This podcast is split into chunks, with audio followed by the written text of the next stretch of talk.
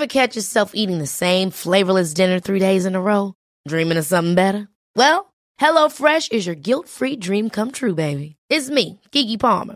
Let's wake up those taste buds with hot, juicy pecan-crusted chicken or garlic butter shrimp scampi. Mm. Hello Fresh. Stop dreaming of all the delicious possibilities and dig in at HelloFresh.com. Let's get this dinner party started.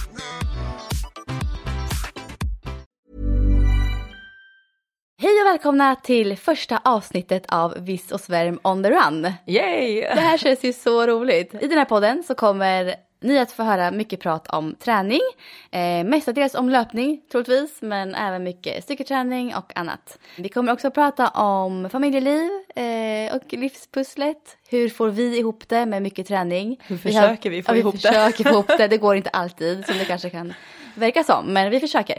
Både Sara och jag, vi har ju faktiskt barn att ta hänsyn till. Och vi är egenföretagare också båda två.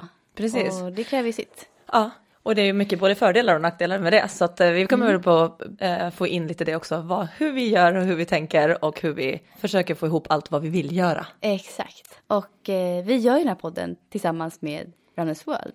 Ja, Och det känns ju kul om något. ja men verkligen. Så vi sitter i deras studio här nu i Stockholm och pratar. Och här kommer vi sitta många gånger Ja, framöver. det kommer det. och, men vilka är då Viss och Svärm? Det Vill kan vara kul att veta. Ja, ja. ja. jag kan börja. Ja. Eh, Josefin Svärm heter jag. Jag eh, bor i Motala, där jag är född och uppvuxen. Eh, jag har två barn, Mia och Bella, de är sex och åtta år. Eh, och en sambo, heter Stefan. Jag har alltid haft en stor passion för löpning. Eh, jag, började, jag sprang min första tävling när jag var sju år gammal. Och eh, redan där kände jag att det här är kul, det här är min grej. Ja. Eh, sen hoppade jag på att köra friidrott. Mm. Eh, höll jag på med från när jag var 9 till 19. ja, vilka grenar kör du då? Var det löpning? Eh, ja, det var löpning. Det var både kortdistans, alltså både 100 meter sprint, längdhopp, tyckte jag var Ja. jättekul. Eh, och även, men 800 var också sådär en favoritgren. Ja, var det inte lite så när man var liten att man var bara med på friidrott och så Ja. lite allt? Ja, allt var, lite, det var kul det mesta. Ja. Men sen så efter 19 års ålder där eh, så började jag plugga i Göteborg och då så eh, var det svårt liksom, att få ihop det. Och då valde jag att eh, fortsätta att bara springa. Eh, och det har jag hållit på med sen dess. Ja. Och det, jag skulle nog säga att det är liksom, passionen för löpningen har nog aldrig varit större för mig än vad den är just nu. Ja. Jag tycker det är på riktigt, riktigt roligt. Jag jobbar som eh, löparinfluencer eh, numera. Vad innebär det? Berätta, Berätta vad Berätta. gör en löparinfluencer? Eh, ja, jag finns mycket på Instagram. Nej, men jag, jag har ett Instagramkonto som har växt ganska snabbt och där försöker jag inspirera så mycket som möjligt inom löpning och träning. Eh, och sprida så mycket löparglädje som jag bara kan. Så det är det, det, jag gör och då jobbar jag med lite olika samarbetspartners på kontot kan man säga. Men numera så eh, jobbar jag även som skribent för Runners World. Jag Ja. skriver om löparmode.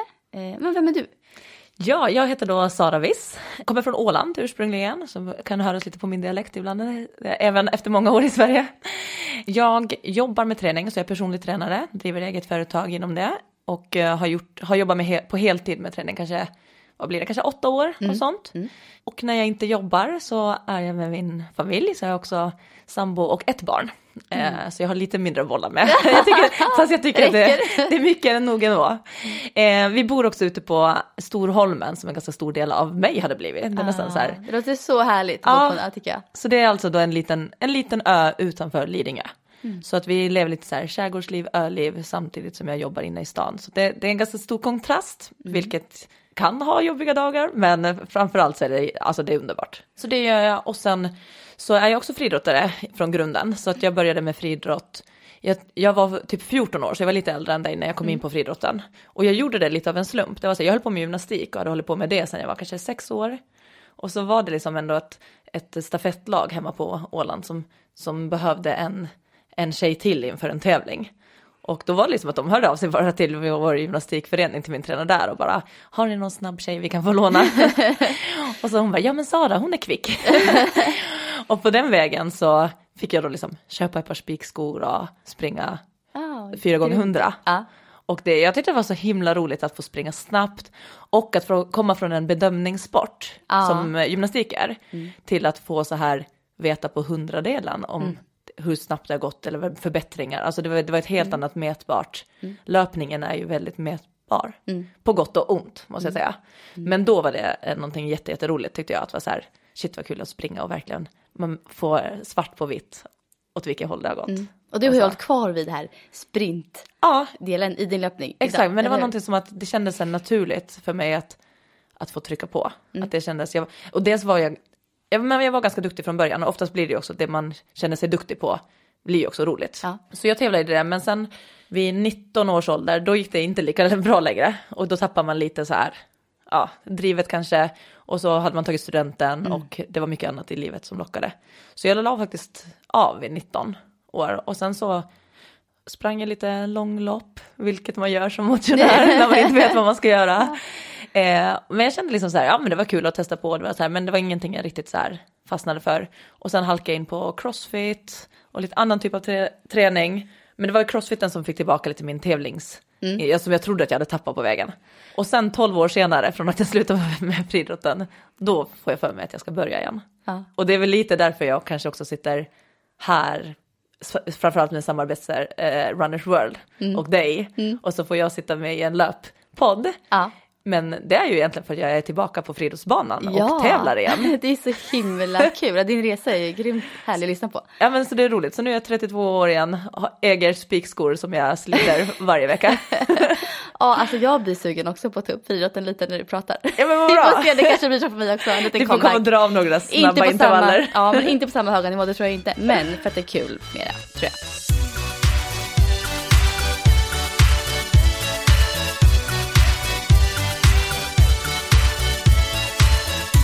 Eh, Man kunde lite så här varför just vi två tillsammans sitter här Ja. på ett sätt. ja, för vi känner ju inte varandra kan man säga. Inte alls innan. Vi har Vi är- sett varandra på Instagram Ja, egentligen. vi har följt varandra ganska länge Ja. och kanske kommenterat lite så här härligt, grymt och lite pepp. Vi har peppat varandra Ja, ett tag. hur? Det var ju så att jag, alltså Runners World frågade mig om jag ville podda för dem Mm. framöver. Och då så tänkte jag, ja men det vore ju jättekul såklart. Mm. Eh, men jag ville inte göra det själv. Och jag ville inte sitta och intervjua olika personer varje avsnitt. Jag ville då i så fall göra det tillsammans med någon. Mm. Och hitta en poddkompis. Ja. Så började jag fundera, vem skulle det kunna vara? Så kom jag ganska snabbt in på att men Sara, visst vore intressant. Dels du är en väldigt härlig tjej, väldigt ödmjuk verkar du vara. Och du har en helt annan ingång än vad jag har till löpningen. Sen så är det ju som så, som jag sagt förut till dig, det bara lyser power om dig. Alltså du är ju typ den starkaste kvinna jag har sett i princip. Oj. Tack för det. Eh, så det känns hur kul som helst att eh, sitta här med dig. Ja, nej, men det känns jättekul att vara här och eh, det var ju så när du kikade på DM på Instagram för vi hade ju inte ens varandras Nej. telefonnummer Nej. och sådär. Så att direkt jag fick ett DM av dig så blev jag så här, åh, vad, vad vill hon mig? och sen så började jag läsa snabbt så här och då kom jag ihåg att det var typ så här fem minuter innan jag skulle ha en PT-kund. Jag bara, han bara svarade, du bara, du hör av dig om det verkar intressant och så kan vi prata mer. Ja. Och jag bara, ja, ja, vi, jag, jag har kund om fem minuter så hinner inte skriva mer nu, men ja, vi kör. Ja, det var så att ja med stora bokstäver och utropstecken typ. Ja. Men det var ju också för att Ja. även om man inte känner varandra så man kan ju skapa sig liksom en liten bild av Ja. Mm. andra på sociala medier. Och jag hade också så här en väldigt så här, men jag såg dig som en ödmjuk, ärlig tjej som, som älskar löpning och det jag gillar med ditt konto, jag, jag vet inte ens när jag började följa det, men Mm. det var liksom så här ditt leende som lyste igenom på varje bild, det var liksom inte så här bara ett påklistrat leende utan det var så här, det syns så väl att du älskar att springa. Mm. Så att du till och med får mig att vilja springa lopp, längre lopp, fast jag som inte springer långt, så blir jag sugen på att Ja. göra det för att jag vill typ ta del av den energin Ja. och glädjen. Ja. Och det, det är en jättehärlig förmåga. Eh, och att du gör det som så här äkta ärligt, det får vara svettigt, osminkat och det är så här, det ser jag som en komplimang. För jag tycker att det, nej men det är härligt, det är löparglädje för mig. Ja men gud, Så tack att, för eh, snälla ord. Ja. Det känns jättekul att få göra det här Mm. med dig och då som sagt med Runners World. Eller hur? Och det är ju så faktiskt så att vi samarbetar ju här med första avsnittet med Jaybird. Ja, som har gått in och sponsrat oss på de Ja. två första avsnitten kommer vi att ha dem. Ja, det är superkul. Och Jaybird är ju, det är trådlösa hörlurar som är framtagna för atleter av atleter. Så de vet ju verkligen vad man vill ha när man springer med musik eller poddar i öronen. Ja, verkligen. Alltså de är ju trådlösa, tål ju vatten. Ja, så det är både svett, regn, Ja, blod, svett och tårar. så man kan, man kan både springa och hoppa och de sitter där de ska. Eh, vilket är skönt. Man vill ju absolut inte springa och tänka på hur ett par hörlurar sitter Nej, eller dålig ljudkvalitet. Ja, för ljudkvaliteten är också grymt bra på deras lurar. Ja, det kan nästan bli ett störande. Springer man typ ett lopp Ja. och hörlurar börjar strula. Ja, Alltså det är typ det värsta. Då kan Ja. jag nästan ångra att jag hade hörlurar med mig. ja, precis. Och sen har ju de en jätteintressant modell som har kommit ut, Jaybird Terra Pro, som har väldigt lång batteritid. Den Mm. Exakt. tycker jag är jätteintressant, för det är ju väldigt viktigt. Det är många som börjar springa väldigt långt nu, både långpass hemma och, Och de ultralöpare. ultra. Yes. Och springer ett maraton och vill ha lurar i så måste, då kräver det att det är ganska lång batteritid. Mm. Och de har upp till 14 timmars batteritid. Ja, eller om man är som jag som Den- inte alltid kommer ihåg att ladda. Ja, men Efter varje heller. Det är också. Så då vet man, okej, men då, jag, jag kan ju springa ganska många träningar under fjor, alltså 14 timmar. Ja, ja. Så nej, så tack, eh, tack Jaybird för att ni är med och sponsrar vårt första avsnitt. Verkligen grymt. Idag har vi tänkt att börja faktiskt det här första avsnittet med att göra riktigt så här eh, loppavsnitt. Alltså hur ser säsongen ut? Vilka lopp ska vi springa? Vilka lopp eh, är stora och häftiga att följa? Vilka har vi sprungit redan? Vilka, ja, för du är ju redan igång. Ja, exakt. Vi är ju lite efter, det känns som att loppsäsongen har börjat så Ja. därför vill vi slänga oss in i det här direkt och dela lite så här vad vi har framför oss Ja. eller eh, och våra tankar kring Ja. Hur väljer man lopp och varför väljer man de lopp man gör. Och sen kanske kommer med lite tips och tricks på, på eh, olika lopp som Ja. vi har gjort eller ska göra. Exakt. Jag tror väldigt många nu som står här inför olika lopp också som kommer Mm. och vill gärna höra lite olika tips och tricks Ja. man kan tänka på. Och du. Josefin, Ja. du står ju egentligen för alla långa lopp då, som, Ja. vi, som ni förhoppningsvis redan har förstått. Ja. Att du kommer stå för långa lopp och eh, jag tycker det ska bli superroligt att följa dig på dem. Mm. Och jag kommer med att springa på de här på, inne på friidrottsbanorna. Exakt. Mm. Jätteintressant. Men du har ju kört din loppdebut. Eh, debut. Ja. Berätta, vilket, eh, vilket var ditt första lopp i den här säsongen? Mitt första lopp den säsongen, det var faktiskt ett trail-lopp i Motala. Eh, hemmaplan. Hemmaplan, exakt. Mm. Yes. Och det var så här väldigt så här prestigelöst, mitt första trail-lopp någonsin, jättehärligt. Så mer trail i, framöver kommer det bli för mig kan Ja. jag säga. Det var fantastiskt. Varför sprang du det som för? Var det bara för att checka av formen eller var det inte ens, var det Nej, bara jag kände bara för att springa spontant. Ja. Veckan innan så bara, det där loppet går nästa vecka. Men Så det det var ingen- jag springa. Det var ingen större plan med det Nej, egentligen? nej. Jag är ute och springer bara för att det var härligt. Mm. Hur långt var det? Det var 14 kilometer. Och det Ja. var väldigt backigt. Okej. Mm. Väldigt tufft lopp, men jättefint. Ja.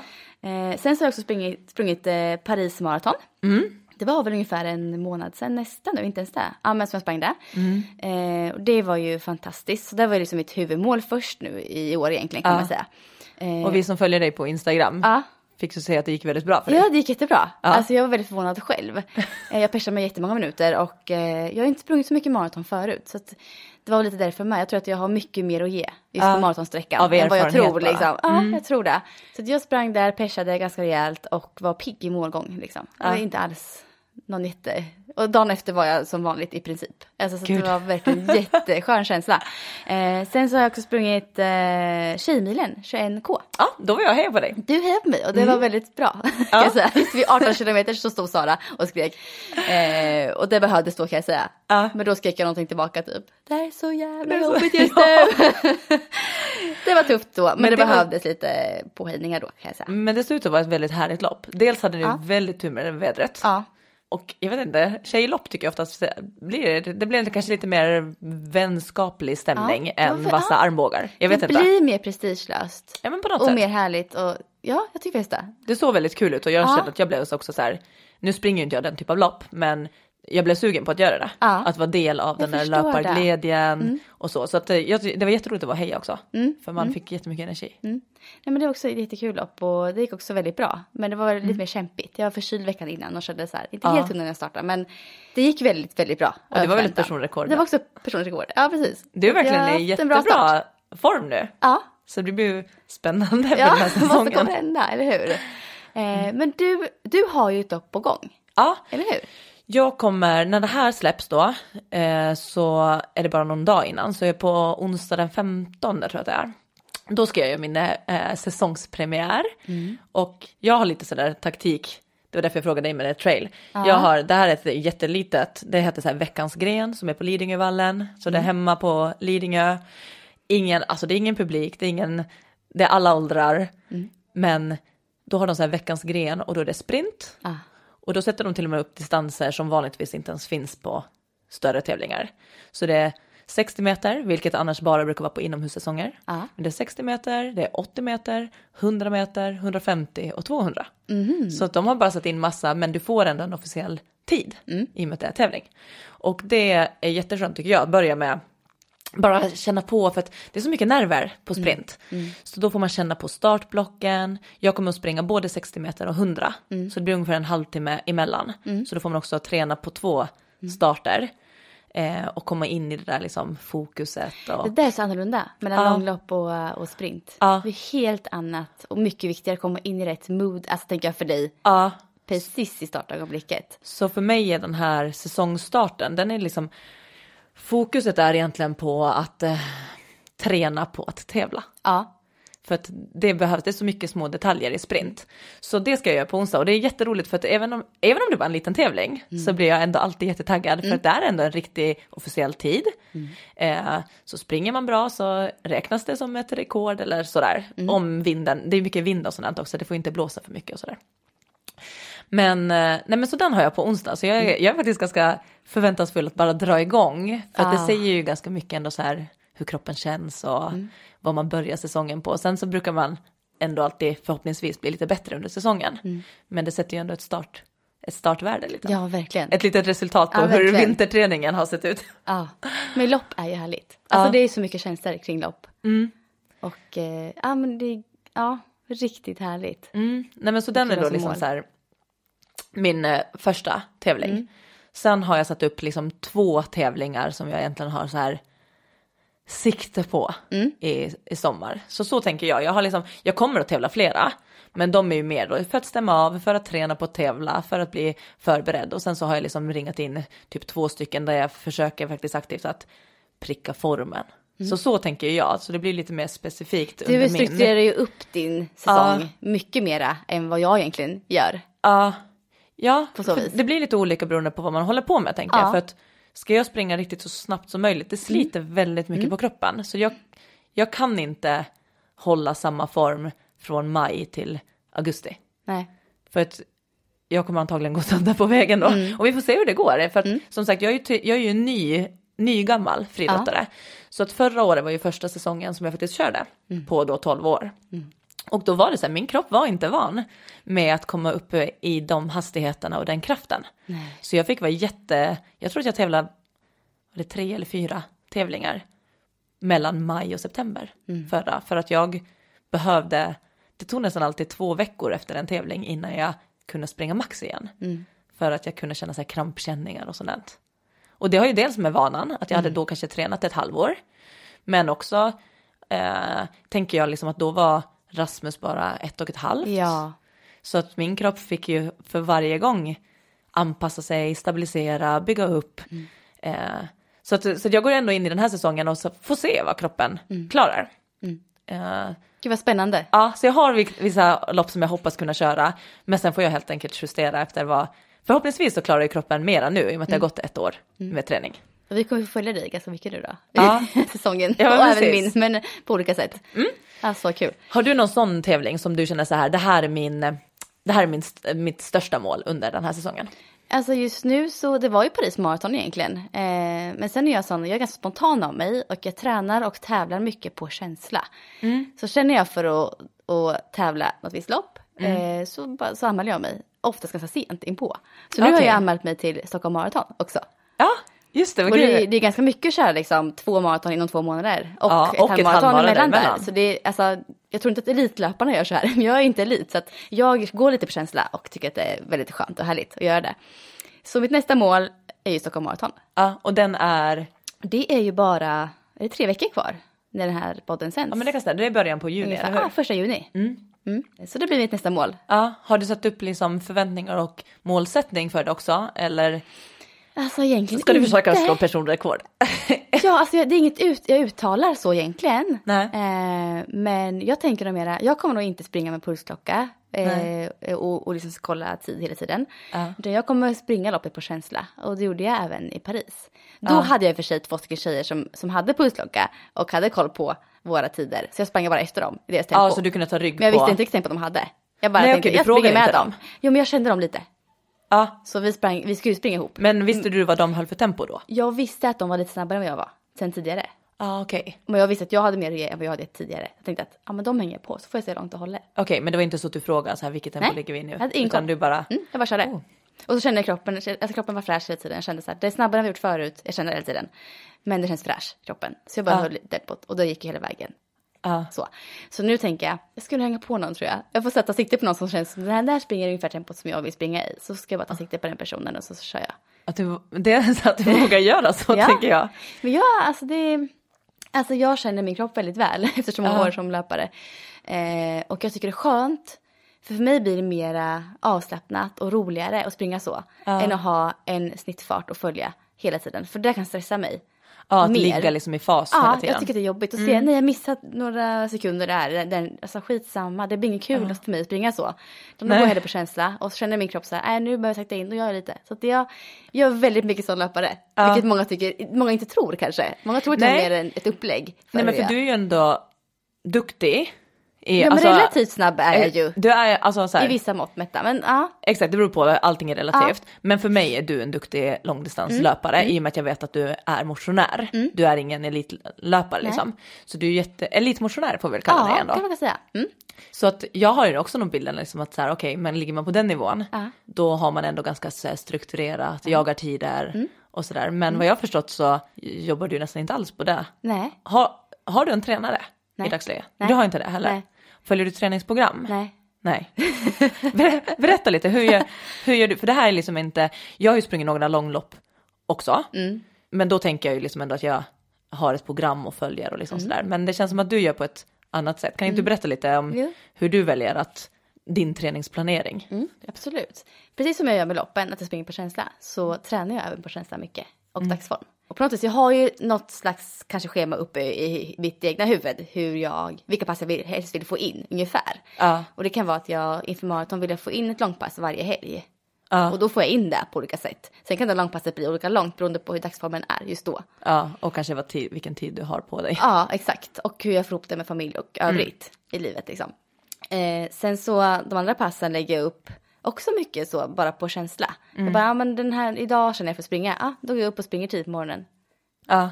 Och då blir det passet vad det blir. Oftast blir det ganska mycket snabbdistanspass. När jag lägger upp det så här. Och vad är snabb Vilket- distanspass? Ja, men det kan vara mellan 8 och 10 kilometer för mig. Och då ligger jag väl alltså, på ett relativt snabbt tempo. Är det lite så här tävlingstempo då som du kör då? Ja, inte riktigt. Lite under? Ja, alltså lite, under. över? Un- under tävlingstempo är det. Ja. Eh, vilket många säger att det är så här ett lite mellanmjölkstempo som man inte Ja. ska lägga för mycket i egentligen enligt experterna så. Jag hamnar ofta där, lite för mycket kanske. Men det är så här, för mig är det ganska bekvämt och skönt och härligt. Jag kommer ut och får en skön runda. Och du får ihop lite distans? Ja, och jag får in mängd, lite mängd i träningen. Eh, det jag skulle behöva få in mer tror jag, det är väl lite mer intervall och snabba pass. Om Ja. jag verkligen vill utvecklas. Men har du ändå som en struktur, att så här, okej, jag ska få in ett långpass, ett det här varje Ja. Mm. vecka? Eller blir det också lite bara på känsla? Ja, men alltså långpassen får jag alltid in inför maraton. Det- Och sen resten av passen, de blir mer på känsla. Ja, Kanske ännu mera. ja, Eh, men det blir att jag springer kanske ungefär fem gånger i veckan. Mm. Och det snittar jag på nästan hela året om. Jag Ja. kör ju alltid, jag har ju kontinuitet. Jag kör ju lika många pass nästan varje vecka. Även fast det liksom är mitt i vintern. Så, ute. ja, så du har ingen periodi- Jag periodisering har ingen heller? speciell Nej. periodisering. Nej, precis. Nej. Men det är, inför lopp försöker jag ju toppforma lite. Alltså så att jag drar ner på träningen två sista veckorna innan lopp och sådär. Ja. Eh, en del. Så, så, och det, det kommer ganska naturligt. För då blir jag riktigt sugen på att, köra sen på dagen när det gäller. Den tycker jag att det är nästan så här bland motionärer. Nu, jag, jag jobbar ju ganska mycket med, med löpare Mm. eh, och när jag jobbar med löpare så, så jag fokuserar ju mest på löpstyrka, stabilitet och löpteknik. Mm. Och sen så, jag skriver liksom inte program utan det har de oftast att de följer något Mm. eh, och så hjälper jag dem liksom med att hålla på vägen. Men då kan jag tycka att det där är den svåraste nästan med motionärer att släppa upp sista tiden och Ja. att det är det folk blir lite stressade över och tror att man inte Man ska göra missar det. massor träning då som man behöver ha inför loppet. Exakt, och blir nästan nervös och vill nästan testa tävlingsdistansen Ja, helgen ja, innan. Ja. För att man veta måste att de verkligen klarar ha men lite is i det. magen och verkligen så känna att Ja. det, det, för det kommer ge, alltså, ge resultat Ja. på loppdagen. Absolut. Om man Verkligen. tar ner på det. Mm. Nej men så, så, så, så springer jag. Och det, Ja. ja. Det alltid Intressant. Mm. Jag är ju nästan, nästan tvärtom ska jag säga så här, alltid när jag, när träningen har gått som bäst för mig, det är nästan alltid när jag har följt program. Och det är oavsett Ja. om jag tävlar till crossfit eh, eller någon så här, ska ta personrekord i marklyft, eller sprinten. Och för mig är det nästan så här skönt att slippa tänka. Så att jag vet när jag går till gymmet eller när jag går till friidrottsbanan eller när jag går, alltså så här, så står det vad jag ska göra. Och så gör jag det bara. Och så behöver jag inte ta andra beslut. Precis. Det tycker jag, jag är, är Ja men det, jag förstår sköna. att det kan så underlätta för många tror jag. Löpare. Och jag tror många så här, typ, alltså motionärer och nybörjare också vill ha någon struktur. Ja. Så här ska du träna. Det kanske är lättare för mig att säga så eftersom att jag har hållit på så pass länge med löpningen. Ja. Alltså om jag jämför med motionär nu eller nybörjare inom löpning. Tänker att det kanske är lättare för mig att säga att ja men jag kör på känsla. Ja för jag vet hur min kropp, jag, jag känner min kropp väldigt väl. Ja. Jag vet vad jag har för tider exakt när jag springer. Alltså, Ja men precis, jag tänker det, för just i distans så Ja. känner jag, jag tänker att man Precis. känner vilket tempo man springer i när man Ja. är duktig och gör det ofta. Ja. Det är som, jag kan ju veta på 100 meter om jag springer på 85 procent eller 90 Mm. Ja. eller 95. Medan någon annan knappt förstår skillnaden, alltså hur vet du om du springer på 90 eller 95? nej. Så säga, men det Då känner, det känner jag i, i min kropp Ja. och i ansträngningen och i sådär. Så jag tänker att man lär sig, men jag hade ändå inte vågat göra för jag tänker Nej. så här, det ger mig, jag får en flashback när du berättar hur du springer. för jag, jag har ju sprungit faktiskt lite längre lopp Aha. och det var ju då efter den här perioden när jag hade slutat med friidrott och bara träna för att träna. Och så tänkte jag så här, nej men nu ska jag springa lite lopp. Jag var ändå liksom, alltså jag var nog 20 år i alla fall när jag sprang min första mil. Så det här med distans, och då kommer jag ihåg att jag hade en kompis som du vet så här, alltså typ från 8 kilometer. Så hon bara, kom igen Sara, du klarar det, du klarar det. Och vi stapplade ihop de här sista för att det hade varit coolt att springa En mil. en mil. Och då var jag ändå 20 så att du Ja. förstår att det liksom ändå så här, jag har varit tror jag, vältränad, många ser mig nog som vältränad. Ja. Mm. Och jag är ju vältränad på, men man blir ju duktig på det man gör. Absolut. Och då så här, men och då så tänkte jag så här, men så kom jag in lite i den här milen då och så skulle jag springa mitt första milslopp. Ja. Och då tog jag den här Lidingölopps tjejbanan och den var ju ändå ja. kuperad. Ja. Så där tänkte man, jag kommer ihåg att jag hade bara som mål att springa hela. Mm. Så då var jag liksom på den nivån att jag skulle försöka att inte gå. Vilket jag klarade, men det var ju egentligen ganska dumt för jag visste jag kände inte till banan så mycket så det kom ju den där abborrbacken. Ganska tuff. de, som, de som känner till Lidingöloppet vet. vet. vad jag pratar om. Ja. Och det var ju bara, allt jag tänkte var så här, gå inte, gå inte, gå inte. Mm. För att det var det jag hade satt upp som mål. Jag hade liksom inte satt något annat. Så att jag, jag joggade ju faktiskt hela och var så här, men jag var ganska sliten när jag kom upp så det gick ju inte snabbt. Så jag tror att skulle jag springa om det på Mm. resultat, då tror jag nästan att det gått snabbare om jag hade gått lite i backen Ja. för att sen springa Ja. på. Men då kändes det i alla fall ändå ganska bra och jag tror att jag sprang ändå, alltså för mig ganska bra med tanke på att det var min första. Jag tror att jag sprang på typ kanske 52, 53. ja. Och det är ganska grymt på den, den Ja banan. exakt och då insåg jag mm. nej men det och då det här så jag ska komma in på på det här med att vi springer på känsla.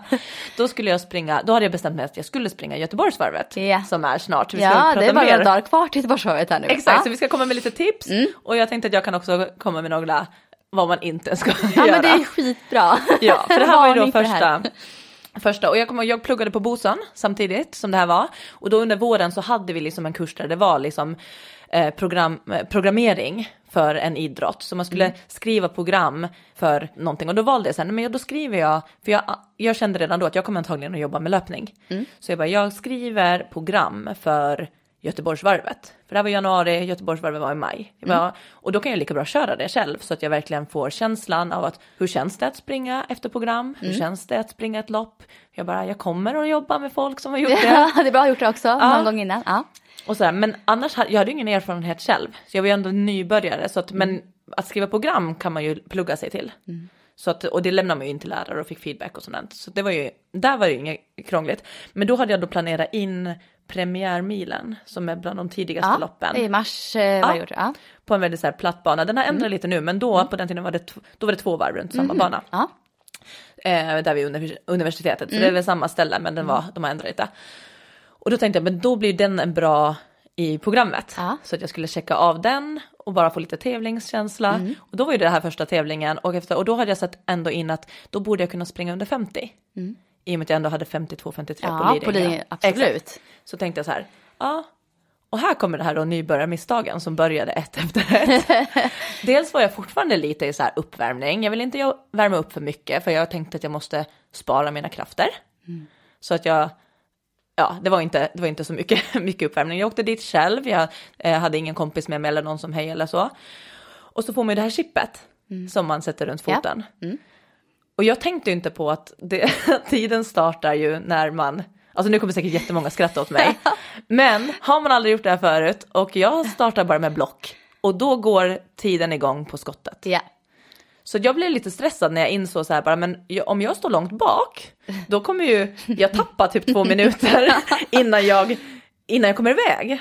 Så jag lite så här taktiskt smyger mig fram i kön, för då var, det var inga fartgrupper då heller. De sa bara lite mer så här, ni som springer snabbt kommer längre fram, eh, ni längre Ja. bak. Så jag bara tryckte mig fram ganska långt fram och så tänkte jag, ja men för då kommer jag iväg, bra. Och så hade jag gjort det som du sa att du gillar nu, att lämna klocka, Ja. lämna puls, lämna musik. Jag hade ingenting. Du ingen koll alls Nej, så tänkte enkelt. jag ska Nej. Mm. bara köra på känsla. Och jag hittar, jag hittar ett, en rytm och försöker komma in i det. Mm. Och sen fungerar ju jag så att när skottet går så får jag så mycket adrenalin. Mm. Så att den där känslan kan jag säga att den försvann ju. Det fanns ju ingenting vettigt kvar i mitt huvud. Jag drogs med Mm. i klungan och det här var ju inte då heller bara ett tjejlopp som det första hade varit. Mm. Så att det går ganska snabbt bland de killarna som står längst fram. Så jag bara ro, rusar med, sprang Typ på. elitlöpare som är Ja, och sen typ efter, jag vet inte ens hur långt jag hade, det var inte markerat, men jag tror att jag var ungefär tre kilometer, då kände då började jag få panik. Ja. Jag bara, är jag så här dåligt tränad? Ja. Är jag så här? Alltså, jag trodde att jag hade tränat bättre än så här. Ja, du hade ju ingen koll på... Jag hade ingen koll. Det enda jag kände var att jag var någonting. så trött. Ja. Att det var liksom så här, jag bara, jag, ja.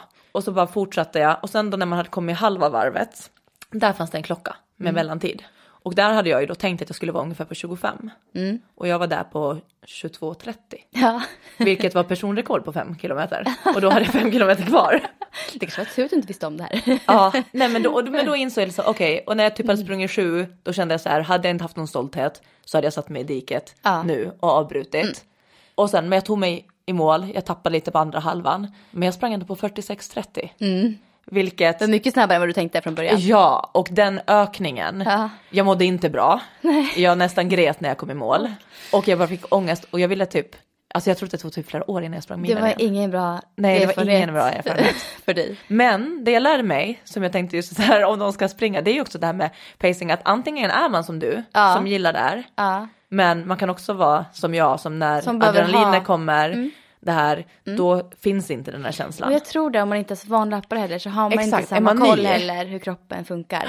Så mitt bästa tips för de som springer, ska springa Göteborgsvarvet nu Mm. och som gör det liksom som är nybörjare eller någonting, det är att skriva upp på armen Mm. var man ska ligga. Som jag tror att jag skrev ganska täta, typ var fjärde eller någonting, så här, tre, fyra, så skrev jag så här ett spann jag skulle ligga inom. Mm. Ja. Och den, den lägre spannet, det var liksom ändå så här, det en tid jag hade varit riktigt nöjd med. Ja. Och sen det övre spannet, det var ju ändå så här, men det hade varit, tyckt att var godkänt. Mm. Eh, som jag hade där ändå, för att jag visste att jag, det gick ju ganska bra att springa ändå, så jag Ja. ville under två timmar. Ja. Så då var ju mitt i det lägre spannet, det var gränsen för att klara två timmar. Mm. Och sen ett annat, det var liksom ett så här, där vi vet att realistiskt, jag kan inte springa iväg. Mm. Och då var det ju likadant på Göteborgsvarvet, att när jag kom till första checken, Mm. då fick jag sänka tempo. ja, det var så. Yes, det var så. Ja. För då låg, jag, då låg jag inte innanför mitt spann. Har du sprungit Göteborgsvarvet? Eh, ja, det har jag. Vad tycker, du, vad tycker du om loppet? Alltså jag har sprungit, jag tror säkert fem, sex gånger kanske. Mm. Och jag har aldrig haft en bra upplevelse. Nej men, vadå, det, Och- gillar du inte loppet i sig jo, eller är det alltså något? det har ingenting med arrangemanget att göra. Nej. Det är fantastiskt. Alltså vilken stämning det är. Ja, för det är verkligen Ett folkfest. grymt lopp. Alltså Ja. så jag blir jättesugen nu på att springa nästa vecka, men det ska jag ju inte göra. Eh, men eh, anledningen till att jag inte haft bra, det är att jag har underpresterat varenda gång. Eh, och jag tror att det är för att det, det, mitt första lopp började inte så bra där. Ehm, Vad hände? det som hände, det var alla löpares skräck kan man säga. Eh, jag har problem med löparmage. Åh nej. Eh, det är verkligen mitt största problem när jag Ja. springer. Och då hade jag inte jättemycket kunskap om vad jag skulle göra för att förhindra det. Nej. Jag var ganska ung då, runt 20 års ålder tror jag var. Ehm, och dagen innan loppet fick jag för mig att jag kände mig svag och att jag hade någon brist på någonting och tänkte att oh, min kompis har järntabletter hemma. Nej, men jag frågade henne om jag får låna av henne. För Nej. det kanske är det det beror på. Ja, Så jag tog en järntablett kvällen innan loppet. och järntabletter är ju inte kända för att Det är inte vara så bra kompis med magen. Och det var inte jag jätteinsatt i just då. Nej. Och tänkte inte alls på det. Så min mage var väldigt orolig. Ja. Eh, jag fick ju gå på toaletten på kvällen ganska mycket. Och Kvällen även innan, liksom. innan loppet. Mm. Även, det fortsatte också på morgonen på loppdagen Ja. innan loppet. Och åh, vilken panik om det, för annars panik. brukar det kunna komma i, alltså efter halva distansen. Ja. Men att starta lopp Ja. och känna det Jag innan. startade där som att min mage var helt urballad. Alltså det var verkligen, ja. jag Springer bara och kollar efter bajabajor. Jag, ja, jag skulle ju aldrig ha startat egentligen i efterhand. Nej. Men jag var så inne på att nu ska jag springa Göteborgsvarvet. Det var jättestort för mig just då att jag skulle springa det här loppet. Eh, så jag startade ändå. Och Ja. hela rundan handlar ju om att jag skulle försöka gå på toaletten. Nej. Hela tiden. Ja. Säkert tio stopp. Och gud jag får Alltså, typ såhär ångest av att tänka var- så här, ja. när kommer bajamaja, när kommer bajamaja? ja, så jag gick dit, gjorde det jag skulle och så spurta typ till nästa, gjorde det jag skulle, spurta. Och jag, det sjuka var att jag kom in på ganska okej tid för mig då. Alltså jag, Ja. verkligen, jag var så bestämd på och målinriktad på det här. Men det här var så idiotiskt. Gör inte det här. alltså, alltså Vadå, så då, du, du fick typ så här räkna av i huvudet, okej nu har jag varit på toaletten i en och en halv minut, Ja, nu behöver jag springa så här. som tusan och så jagade du typ Ja. ikapp vad du Ja, skulle ha. Ja. Men när jag kom in i mål så var jag ju på att svimma och vinglade och det tog Ah. flera, säkert en vecka innan jag var tillbaka till normalt igen. Oh, Så shit. det, den upplevelsen var jättehemsk. Men har du efter det kommit på något tips, eller så här, har du, fått, har du fått bukt på det här? Ja. Vad, Ja. Har du något tips till dem som är Absolut. rädda för löpmage? Absolut, det har jag verkligen. Alltså numera så får jag aldrig problem med löpmage. Men det är för att jag har mina knep innan. Vad, berätta. Eh, jo, det här tror jag många vill veta. Ja, det tror jag verkligen att det är jätteintressant att veta. Eh, det jag tänker på det är framförallt dagen innan så börjar jag äta väldigt snäll mat för magen. Alltså, Och vad är snäll mat? Inte mycket kryddor, inte mycket fett, inte mycket ja, men, sånt man inte är van vid. Lättsmält. liksom. Lättsmält mat, Mm. men ändå ganska mycket mat ändå för att man måste ju ladda upp inför ett långlopp. Mm. Eh, jag dricker mycket vätska, mycket mer vätska än vanligt. Mm. Eh, kvällen innan så dricker jag alltid ett glas Resorb Sport Ja. som är vätskeersättning. Det är ju elektrolyter och salter och sånt i. Mm. Som gör att man, man binder upp lite vätska i kroppen extra. Vilket är en del i det att inte få löparmage mage har att göra med vät- vätskemängden i kroppen. Okej. Så får du vätskebrist så får du större risk att få en löparmage. Så jag försöker verkligen tänka på vätskan. Ja. Och sen vill man ju inte heller dricka för mycket. Nej, För det är ju också en sån här oro att det ska klunka det i magen, nej kissnödig. Exakt. Och därför så vätskeersättning gör ju att du binder upp mer vätska i kroppen. Så du behöver inte dricka lika mycket vätska. Nej. Och sen på morgonen då, också tävlingsdagen, så dricker jag ett glas sånt till när det såls bort. Eh, och en till två timmar, en och en halv timme ungefär innan start, så tar jag en Dimor-tablett. Vad är det? Det är, alltså det stoppar upp magen, Ah. gör den lugn. Typ samma som Imodium. Ja, det är, bara annat. det är exakt Ja. samma, fast Ja, ett annat, Ja. eh, varumärke. Som man brukar ta i, typ när man är utomlands. Ja, och... exakt så. Ja. ja. Och det har jag gjort nu i flera år, alltså inför alla mina långlopp. Jag är Ah, aldrig på, så det trä- är aldrig på helt i förebyggande syfte, även Ja. fast du inte känner Ja, någonting. aldrig på träning, men inför mina långlopp Ja. så, så tar jag det. Ja. Och det har gjort sån skillnad för mig. Alltså, dels alltså, under loppet men även efter så mår jag så mycket bättre. Jag mår aldrig illa. Alltså, jag, kan, jag kan vara normal, vanlig när jag kommer i mål på ett maraton och kunna gå ut och käka på kvällen. Det gjorde jag inte innan. Alltså, så gud- magen håller sig lugn då ungefär i ett dygn, Mm. max ett dygn. Men liksom efter det sen så är, funkar det som vanligt igen. Och det tänker jag, bara att du vet också att det har funkat, Mm. så tänker jag i ditt huvud, att det försvinner så mycket stress Ja, kring det. jättemycket. Och oro. Ja. Och det, stress och oro, det sätter ju också igång magen. Ja. Eller blir, gör Ja. att magen kan vara konstig. Alltså verkligen. Så jag Det tänker bara att varit- du slipper tänka på det. Ja, det har varit min räddning. För jag hade inte kunnat sprungit så här mycket långlopp om jag inte hade kommit på det här knepet. Så är Nej. det verkligen. Det hade inte gått förut. Så det är ju superbra tips då, ifall att det är någon Ja. som är orolig Ja, för det eller har haft ja problem men med det. verkligen. Alltså då, och även jag kan ju ta under loppdagen så kan jag dricka det som serveras då också. Då behöver jag inte tänka på att ta med något speciellt som vätskebälte och grejer. Då kan jag dricka Ja. liksom sportdrycker som står där, vilken den är. Mm. För magen håller sig så pass lugn då. Ja. Så vad som, vilka gel som helst kan jag liksom stoppa i mig utan att testa innan. För att det funkar. Så Dricker du på-. Se på Göteborgsvarvet då, som är halvmara, dricker Mm. Ja. du på varje stopp? Eh, nej, inte varje. Nej. Kanske varannan skulle jag nog kanske göra. Ja. Det där är så olika också men det blir ett stopp varje gång också så man måste Ja, stanna och gå lite så här. det är lite svårt att komma störmoment. igång. Ja, det är svårt att komma igång emellan. Därför är det skönt att inte dricka varenda gång men Nej. jag tar kanske varannan. Och bara, Jag tror bara att det är rätt bra. Lite Som, grann.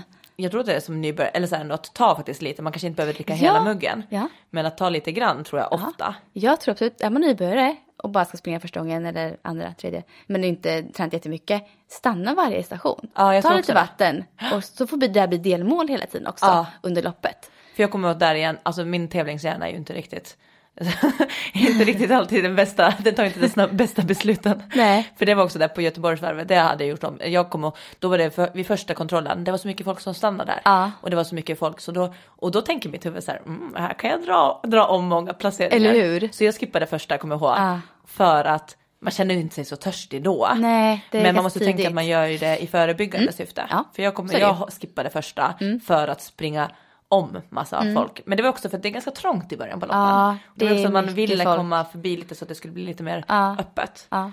Men nej, jag, jag hade jag sprungit om så hade jag faktiskt tagit någon klunk bara på, redan på första. Ja. Och det är med en sån grej, det är väldigt trångt som du säger på Göteborgsvarvet. Framförallt Mm. Ja. i starten längre bak. Ja, Så är det ganska trångt i starten och då får man inte bli stressad där heller. nej. För det, är liksom, det kommer vara så, om du zigzaggar för mycket emellan i början så tar det massor energi. Ja, Så det kanske är bättre att, okej, gilla läget, det blir lugnt i början men sen blir det lite mindre alltså folk längs vägen. och var beredd på det. Så Ja, man var inte blir beredd på det, precis. Av att så här, det kommer att gå lite långsamt Ja. de första och då två. får man kanske räkna in det, då kanske man tappar lite tid. Ja. Mm. Och då kanske det får vara så. Och så får man sida sig inför nästa års Göteborgsvarv. Ja, Och komma ja, i rätt. startgrupp mer så, där man verkligen ska ligga. Ja, för så är det ju när man springer första gången. Mm. Man hamnar ju långt, Långt bak. långt bak. Mm, så är det verkligen. Och sen ett annat tips som jag har, som jag har tänkt på, för jag, innan fick jag alltid, alltid skoskav. Okej. Jämt. Alltså framförallt som man springer långpass. Mm. Eh, eller långlopp. Ja. Så ett tips är att- att smörja in fötterna med massor vaselin. Alltså mellan tårna, alltså överallt ska det vara fullt med vaselin. Jaha, och oj, sen det har jag aldrig strumpan. testat. Men gud, det, det känns som att man ska typ lite glida runt och klibba. Ja, men nej, men det känns inte. Det, det är jättekonstigt. Men det är så så, du har vaselin och sen strumpan på och sen in i skon? Ja, det gör susen. Alltså verkligen, det är ett skitbra tips. För det, Ja. det, det är väldigt vanligt att man får skoskav och blåser hit och dit Ja. fötterna när man springer. Men sen jag började med det så har jag inte haft skoskav Ja. i princip någon gång under lopp. Mm. Så att eh, det är tips. ja. Vad finns det mer att tänka på då? Uppvärmning tänker jag med kanske inför, inför Göteborgsvarvet. Ska man värma Ja. upp? Jag tänker att alltså ju, ju kortare man ska springa, som du som är sprinter, Ja, ju, Ju längre uppvärmning. uppvärmning. krävs ju. Jag brukar ju skratta det åt att jag åker iväg på tävling. Framförallt när jag åker, dessutom åker iväg, alltså en lång resa. Ja. Så åker jag lång resa, värmer upp en timme och så tävlar jag 12 sekunder. Ja, exakt. Alltså det är väldigt konstigt egentligen. Men, det Men- krävs ju, ju, ju kortare sträcka ju mer uppvärmning. Ja. Så vart skulle du sätta eh, halvmaran då? halvmaran. Men jag tycker ändå så här, jag tycker alltid att det ändå krävs en liten uppvärmning Mm. oavsett eh, för att komma igång, bli lite varm. Men jag menar en lätt jogg, kanske en kilometer, två Mm. kilometer max. Ja. Och sen lite, lite tändningsövningar för att bli lite mjuk i kroppen. Kan vara skönt, det kan vara skönt i starten att känna sig lite varm och mjuk. Ja. Och sen kanske några stegringar, stegringslopp. Mm. Och är stegringslopp ifall att det är någon som inte Ja men det är så här, man börjar liksom, liksom jogg, jogga lite, öka på tempot mer Successivt. successivt. Kommer nästan upp kanske 80-90% av max. Ja. Inför halvmaran 80 max kanske du kan komma upp i. Ja. Så 80% av maxfart. Men bara Jag gillar också att göra lite lite. löpskolning, även när Ja, jag springer längre. Mm. Och det är liksom dels bara för att komma in i bra hållning och kä- liksom känna efter att den här tekniken vill jag hålla. Absolut. Och att liksom så här, då börjar mitt, mitt huvud fa- fatta att nu ska jag, nu ska Ja. jag springa. Nu ska jag ställa om till löpning. ah. Ja. Så då är det som att jag kommer in i liksom känsla. Så att även när jag springer längre lopp. Mm. Men det kanske är för att jag är så här friidrottsskolad. Ja. Eh, men jag gillar alltid att köra lite, och det behöver inte vara mycket, men bara göra några övningar man tycker känns bra. Ja. Där jag fokuserar ju som på bål, höft, fotisättning. Mm. Och känner, känner in att jag får, får in min atletiska känsla. Ja. Så det kör ja jag men det tror jag också. Löpskolning funkar också jättebra inför. Men eh, nu så om man tar liksom målen jag har för den här säsongen. Det är ju mitt stora lopp som jag vill liksom vara i form till. Mm. Då ska jag faktiskt till Gibraltar. Så jag ska ju faktiskt åka dit bort och vi har liksom Ah. Vad en, roligt. Ja. När är det där? Det är i början på juli. Ja. Eh, och det är ju den då som jag nu, de här första loppen, det är liksom att börja förbereda mig inför Mm. det. Eh, och det är en sån tävling som heter Öspelen. Ja. Som är för alla små öar i hela världen, så man måste vara en öbo. Och då, då går jag ju, det är inte Storholmen, den är för liten, utan det är Åland. Så då tävlar jag för Åland. Då är det liksom tävlingar som pågår en hel vecka eh, på, och det är varannan sommar. Och där ses då liksom alla, eller inte alla men väldigt många små öar från hela världen. Så jag tror att det är typ lika många deltagare som det är på vinter-OS. Och så bor man och Vad det, häftigt ändå. Mm. Och då är det liksom allt från så här friidrott, simning, eh, bågskytte, fotboll, basket, alltså så här. Så det är ju verkligen, vi åker ett helt chartrat plan från Åland. Jaha. Direkt med atleter. Alltså vi behöver ju nästan podda när du är på plats där. Ja, Så det här Eller hur? kommer vara liksom min höjdpunkt och det här är också så här, för det här var jag ju med i när jag var yngre. Jag varit med som gymnast också. Mm. Så att jag varit med både i gymnastiken Jaha, på den tävlingen? på den tävlingen, för gymnastik är också med. Så det är som en vecka med massa idrott, som ett OS. Ja. Så att jag har varit med som gymnast och sen så sadlade jag ju om, det var faktiskt på den tävlingen de behövde en stafett Nej. tjej och jag skulle med som gymnast. Så den veckan så tävlade jag både gymnastik och sprang stafetten. Ja. Eh, och sen har jag ju varit tillbaka då två år senare som friidrottare. Mm. Och det är den så senast jag var med, då var jag 19 och det var på Shetland. så nu har det gått lite några år, men Ah. nu så här, och så förra året då när jag tävlade, men då var det ju inte med att det bara varannat år. Så för två år sedan så var de på Gotland. För Om jag inte var så nära då var jag och hejade på min syster som eh, Ah, hon också är också, just det. Yes. Mm. Så då var jag där och hejade och då kommer jag ihåg för två år sedan att jag satt då med, då var ju Rasmus bara knappt ett halvår. Ja. Och jag bara, alltså gud vad roligt med Ah. öspelen. Jag bara, tänk om jag skulle kunna träna sig tillbaka och åtminstone ta plats i stafetten om två år. För då visste jag bara, åh Gibraltar, oh la la. Ja, Dit åker jag gärna. Eh, nej men så det är min, Mm. och då är det att det är lite så nostalgi för mig och det är en så här häftig grej för, för en ålänning Ja. att få vara med. Ja. Mm. Så där så ska jag ju springa 100 meter och springa stafetten. Så det har, där har jag både sikte på en, en vecka med tävling där borta. Mm. Ja. Och sen så har jag liksom som annat mål under säsongen. Det vet jag inte om jag klarar för det är också att det- på de här tävlingarna är det ofta kval. Mm. I alla fall om man vill vara med på de lite större och bättre tävlingarna. Och i vintras så var jag ju med, då kvalade jag ju till finska mästerskapen Ja. inomhus. Ja, så himla häftigt. Ja, och det är så här just att på nationell nivå, inte, inte på, i Sverige tror jag, men jag tävlar ju, det kan jag säga, Åland hör ju till Finland. Så därav så hamnar jag på finska. Jag skulle kunna få vara med på SM också med att jag bor här och är skriven här och så. Eh, men SM har ingen, de har liksom egentligen ingen kvalgräns för att få vara med. Ja. Vilket är ju bra ju såklart. Men, och då kan man, och samtidigt det blir väl ändå, man är väl hyfsat bra om man anmäler sig för man vill väl vara ganska bra. Men i Finland så har de alltid haft en kvalgräns. Som har varit ganska tuff att nå. Så att när jag höll på med friidrott där då, när jag var ungdom.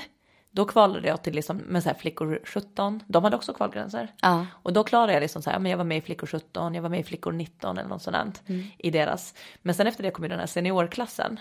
Och de kvalgränserna klarade jag aldrig då förut. Och då i vintras då när jag klarade, då klarade jag inomhus kvalgränsen till, alltså den vuxna, alltså vad säger seniorer, eliternas. Ja. Och då så kände jag så här, det var lite typ kvar på min bucket eller lite så här, Ja. eller du vet den känslan av att så här, att jag inte klarade det förr och så klarade jag det nu. Så då valde jag ju att åka på finska mästerskapen. Så det innebär ju att i år nu får jag inte tävla på svenska, Svenska. mästerskapen. Inte heller nu på utom säsongen. Nej. För man, får, man måste välja nation per år.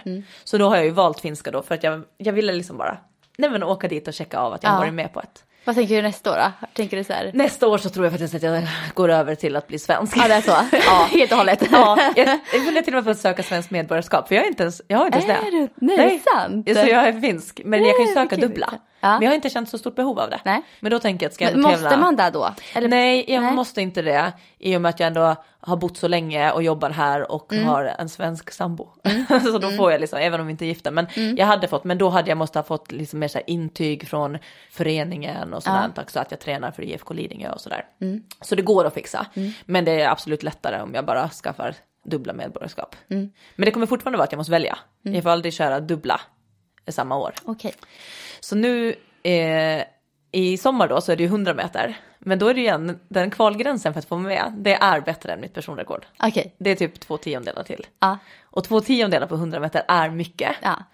Men, och det är också för att det är, så, det är en rätt stor tävling, den är nationell. Så de vill bara ha tre hit, för det är liksom en liten så här galakväll. Alltså det, Ah, det är publik, det är mycket, det är som ett event ju.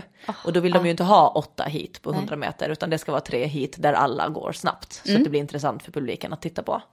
Och då är det åtta banor, så det är eh, 24 platser. Ja. Som är, så man behöver ju vara typ topp 24 i landet Ja. för att få vara med.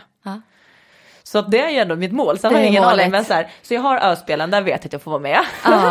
Och, jag får så här, och beroende på hur säsongen går så hade ju det varit, Så kommer jag dit så då är det mitt andra stora mål och den är då i så fall i början på augusti. Så det. Det hade varit Så grymt att jag har en kul. säsong som jag, jag, jag planerar för en säsong som jag inte vet om jag får springa de lopp jag Nej. vill. Men man kan ju alltid bara, man kan alltid bara försöka. Ja. Tänker jag. Ja. Jag springer mitt snabbaste, räcker det så räcker det. Och annars så har jag ändå haft en säsong med andra tävlingar. Ja, och det kommer fler säsonger. Ja, och det finns massa tävlingar. Det är väldigt få tävlingar som det är så här kval. Ja. Som man måste springa på en viss tid. Det är nästan bara på det, egentligen brukar det mest vara på internationella tävlingar. Men då har Finland hållit på sina mästerskap också. Men annars är det ju bara att anmäla sig till vilken. Och det finns jättemycket tävlingar i Stockholm. Ja. Så det, det är kul att tävla. Så vi Ja, får se, men men vi får se är vilka, så kul att tävla, jag håller med helt och Ja. hållet. Det är, ja. så vi får se vilka, vilka hur min eh, säsong blir och Mm. vad jag springer. Men Öspelen är första stora målet. Så vi har ju båda två egentligen en hel del lopp framför oss. Ja. Jag har också flera stycken i, som kommer i höst och sådär. Och ni kommer ju få följa våra lite så här tankar inför våra egna lopp, tankar efteråt, Ja. planering och sådär. Så vi tänker vi kommer ju dela med oss ganska mycket om, om eh, våra tankar, känslor, erfarenhet, resultat. Ja. Eh, men sen också väva in såklart liksom allmänna saker som man kan tänka på. Eh, allmänna, alltså lopp som vi vet att många av er kanske tänker springa. Så vi vill, ju, Precis. vi vill ju peppa, inspirera Ja, och dela och med oss. ja, ge er tips på hur man kan tänka. Ja. Och skulle ni ha frågor eller sådär eller ämnen som ni tycker att vi ska prata om så får ni ju jättegärna skriva det till, till oss. Jätte, jättegärna. Och just på. nu kanske man kan skriva det till våra Instagramkonton i Ja. nuläget. Så får vi se om vi, ni, vi kan ge någon annan ingång senare. Men just Ja. nu så går det jättebra. Och var hittar man dig på Instagram? Ja, man hittar mig på Josefin Svarm, Josefine Svarm, SW. Ihopskrivet. Uppskrivet, Ja, yes. exakt. Och hur hittar man dig? Sara.viss och då är det W-I-S-S. Så det är på Instagram. Så det är bara att skicka ett DM Ja. där om det är någonting ni... Så det är jättekul för oss om vi Ja, får vi veta vad vill ni vill. jättegärna ha frågor för det blir också lättare för oss att lägga upp våra avsnitt här nu framöver. Ja. Så vi har mycket att prata om. Vi har ju några teman framöver Ja, som vi vi har hoppas.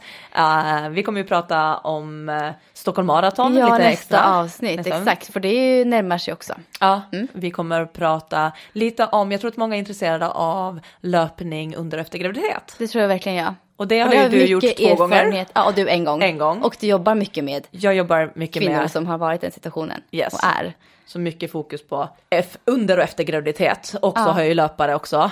Och jag har många som kommer till mig som är duktiga löpare, som har sprungit hela sitt liv. Och, så jag har ju många mammor som kommer med sina små bebisar och så sätter vi ett realistiskt mål på när de kan springa sina lopp igen. Ja. Och det är jätteroligt att få följa. Ja, det kan jag verkligen tänka mig.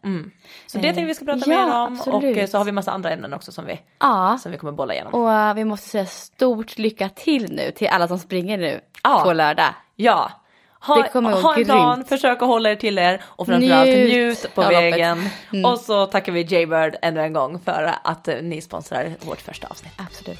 Ha det fint nu. Ha det bra! Hej då!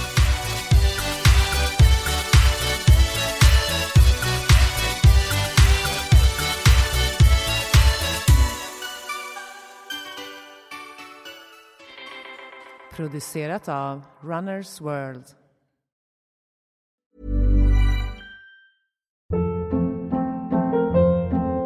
Hold up. What was that? Boring. No flavor. That was as bad as those leftovers you ate all week. Kiki Palmer here, and it's time to say hello to something fresh and guilt-free. Hello Fresh. Jazz up dinner with pecan-crusted chicken or garlic butter shrimp scampi. Now that's music to my mouth. Hello Fresh. Let's get this dinner party started. Discover all the delicious possibilities at hellofresh.com.